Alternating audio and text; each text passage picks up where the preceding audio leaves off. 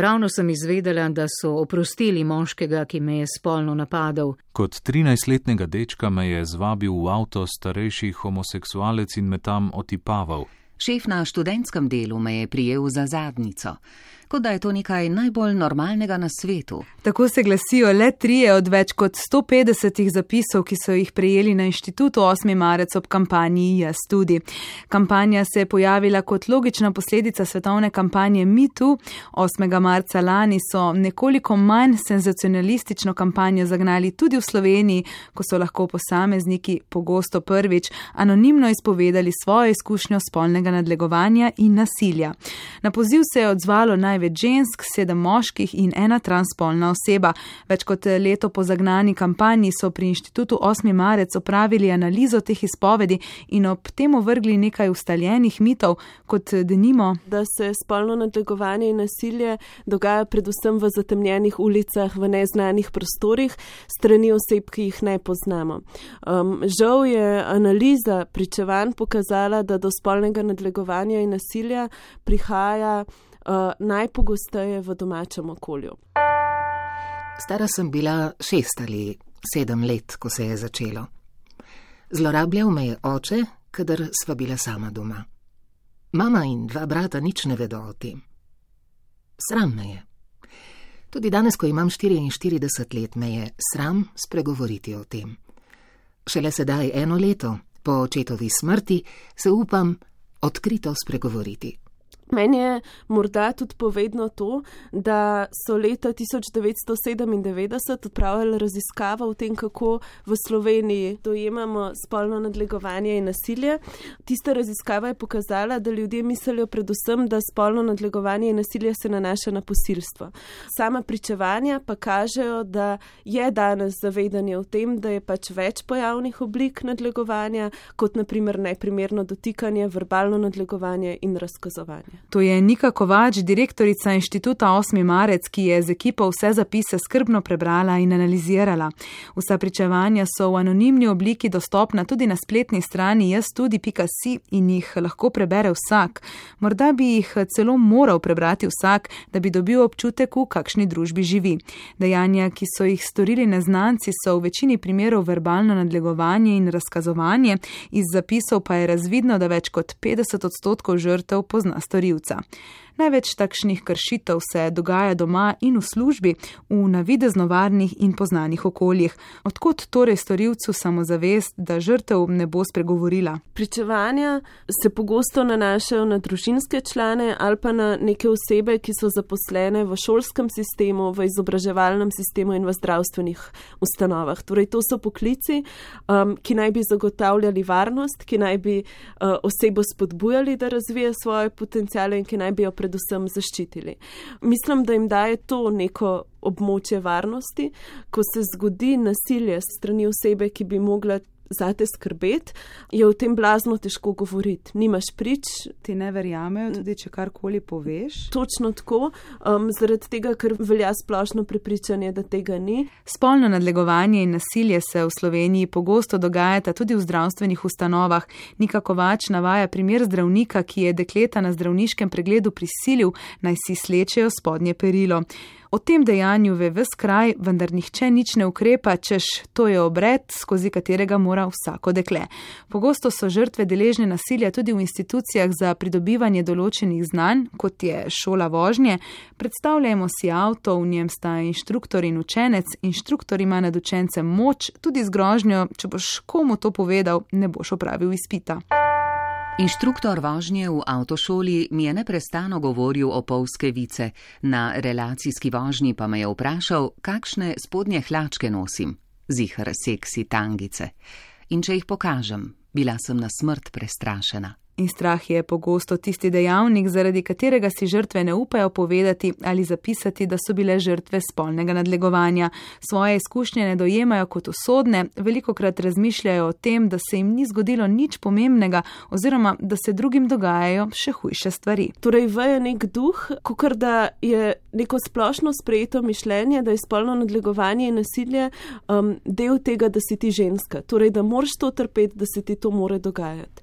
Um, samo kampanjo, jaz tudi in pa tudi z nikom gibanja tu, pa se je v javnem diskurzu nekako pozoril na to, da to je nespremljivo in da je pač potrebno v tem uh, predred. Tako da številna pričevanja se mi zdi, da um, so bila napisana z nekim zavedanjem, da to, kar se jim je dogajalo, ni prav in z neko močno željo, da te osebe sporočijo svetu, to se mi je dejansko zgodilo in ne želim, da se to dogaja drugim. V večini primerov pričevanja tudi gre za neprimerno dotikanje, tudi verbalno nadlegovanje, pri skoraj tretjini analiziranih primerov pa žrtve opisujejo posilstvo. Čeprav gre tu za eno najbolj sprevrženih oblik spolnega nasilja, v Sloveniji storilci pogosto niso kaznovani, kvečjemu oproščeni.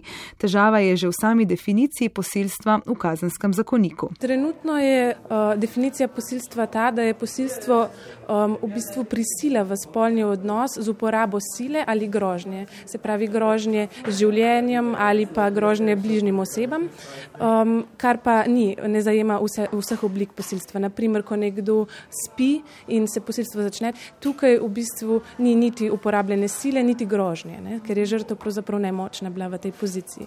Um, in prav tako, naprimer, ko, uh, če imamo kakšne primere, kjer so žrtve omamljene, um, ne pride, sploh ni možnosti odpora. Ne? Mojca Lukan z inštituta 8. marec povdarja, zakaj je nujna sprememba in kaj je bil pravzaprav povod za peticijo o redefiniciji. Povod za to je bila um, razsodba v Kopru, um, kjer je bil storilec kaznivega dejanja posilstva oproščen um, te obtožbe, zato ker je uh, s prisilstvom pričel, ko je žrtev spala. Se pravi, žrtev ni izkazala odpora, ker je spala in zato pravzaprav um, je bil storilec tega dejanja um, oproščen. Na področju zakonodaje za zdaj še vse stoji, zakaj pojasnjuje ministrica za pravosodje Andreja Katič. E, ne gre se za to, koliko časa se potrebuje, ampak gre se za to, da se tudi te spremembe pripravijo premišljeno. Vi sami veste, da sem e, naklonjena definiciji uh, ja je ja, kar je še nadgradnja, ne je ne ampak strokovna javnost uh, že sedaj meni, da spremembe pravzaprav niti niso potrebne. Ministrica Andreja Katič, tudi vi na začetku niste bili ravno eh, naklonjeni spremembi oziroma redefiniciji. Je potem to vaše zauzemanje za ja pomeni ja sprožil tudi pritisk medijev?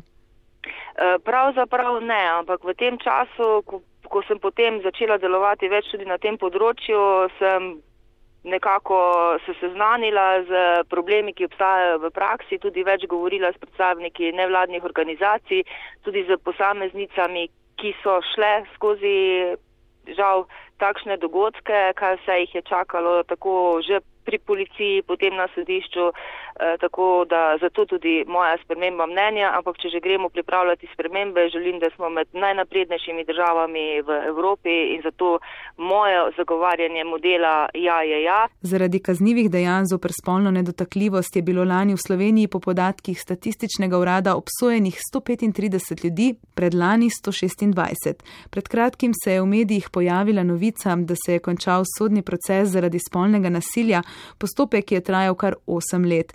Toliko zato, ker pristojni niso znali presoditi, ali žrtev govori resnico, ali je bila proti njej uporabljena sila in ali se je res dovolj upirala. Trojica, ki je storila kaznivo dejanje, je bila na višjem sodišču obsojena na zaporno kazen. Ali je to znak, da se stvari vendarle premikajo v pravo smer, nikako več. Jaz sem trenutno precej pesimistična. Um, zdi se mi pomembno, da o, javno, o javnosti o tem govorimo, zdi se mi pomembno, da se to vprašanje odpira trenutno oblast še ni naredila ničesar, da bi um, zakonodajne postopke spremenila in da bi pač se spremenili tudi sodni postopki.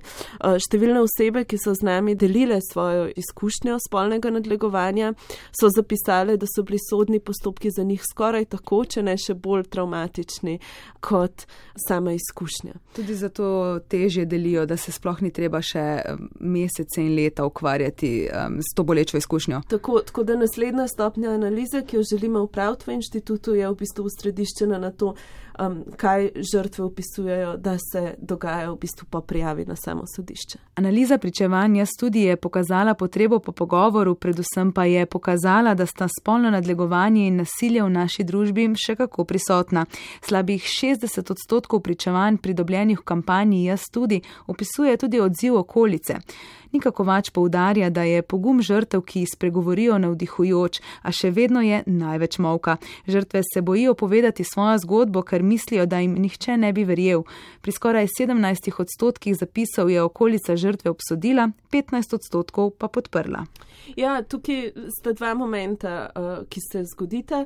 Prvi moment je ta, da se navadno, ko žrtvo spregovori, in to tudi kaže analiza naših pričevanj, krivda in odgovornost zvali na žrtvo. Sploh takrat, kadar pač se žrtvo izpostavlja v medijskem prostoru, um, pogosto postane ona tista, um, ki uh, dobiva številna pol, uh, polena pač pod noge. Uh, v Sloveniji se je tak primer tudi zgodil. Anja Radaljac je delila um, dopisovanje z Evaldom Flisarjem in na koncu um, se je nekak slovenski medijski prostor ukvarjal predvsem z njo in ne s tem, zakaj on to vrstne stvari počne.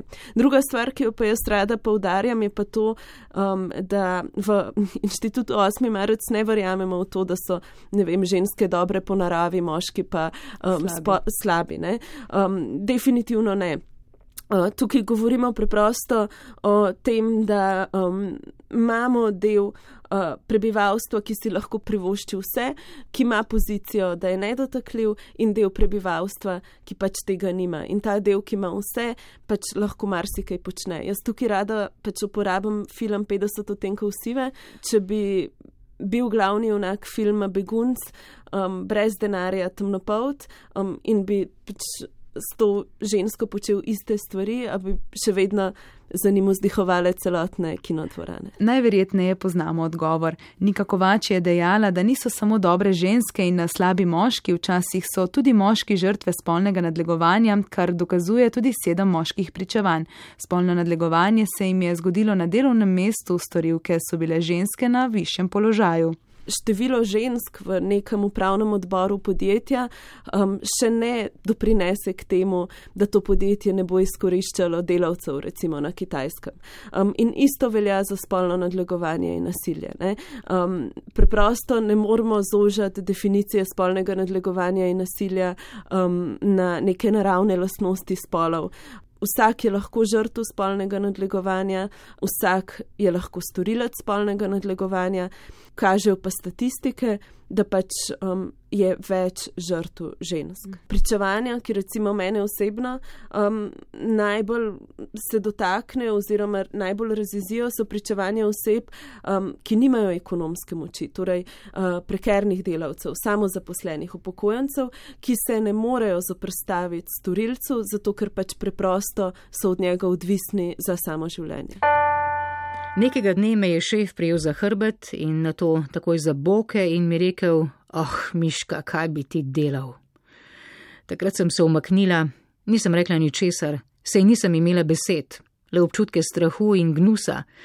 Kasneje sem se mu začela namerno izogibati in kmalo zatem sem tam nehala delati.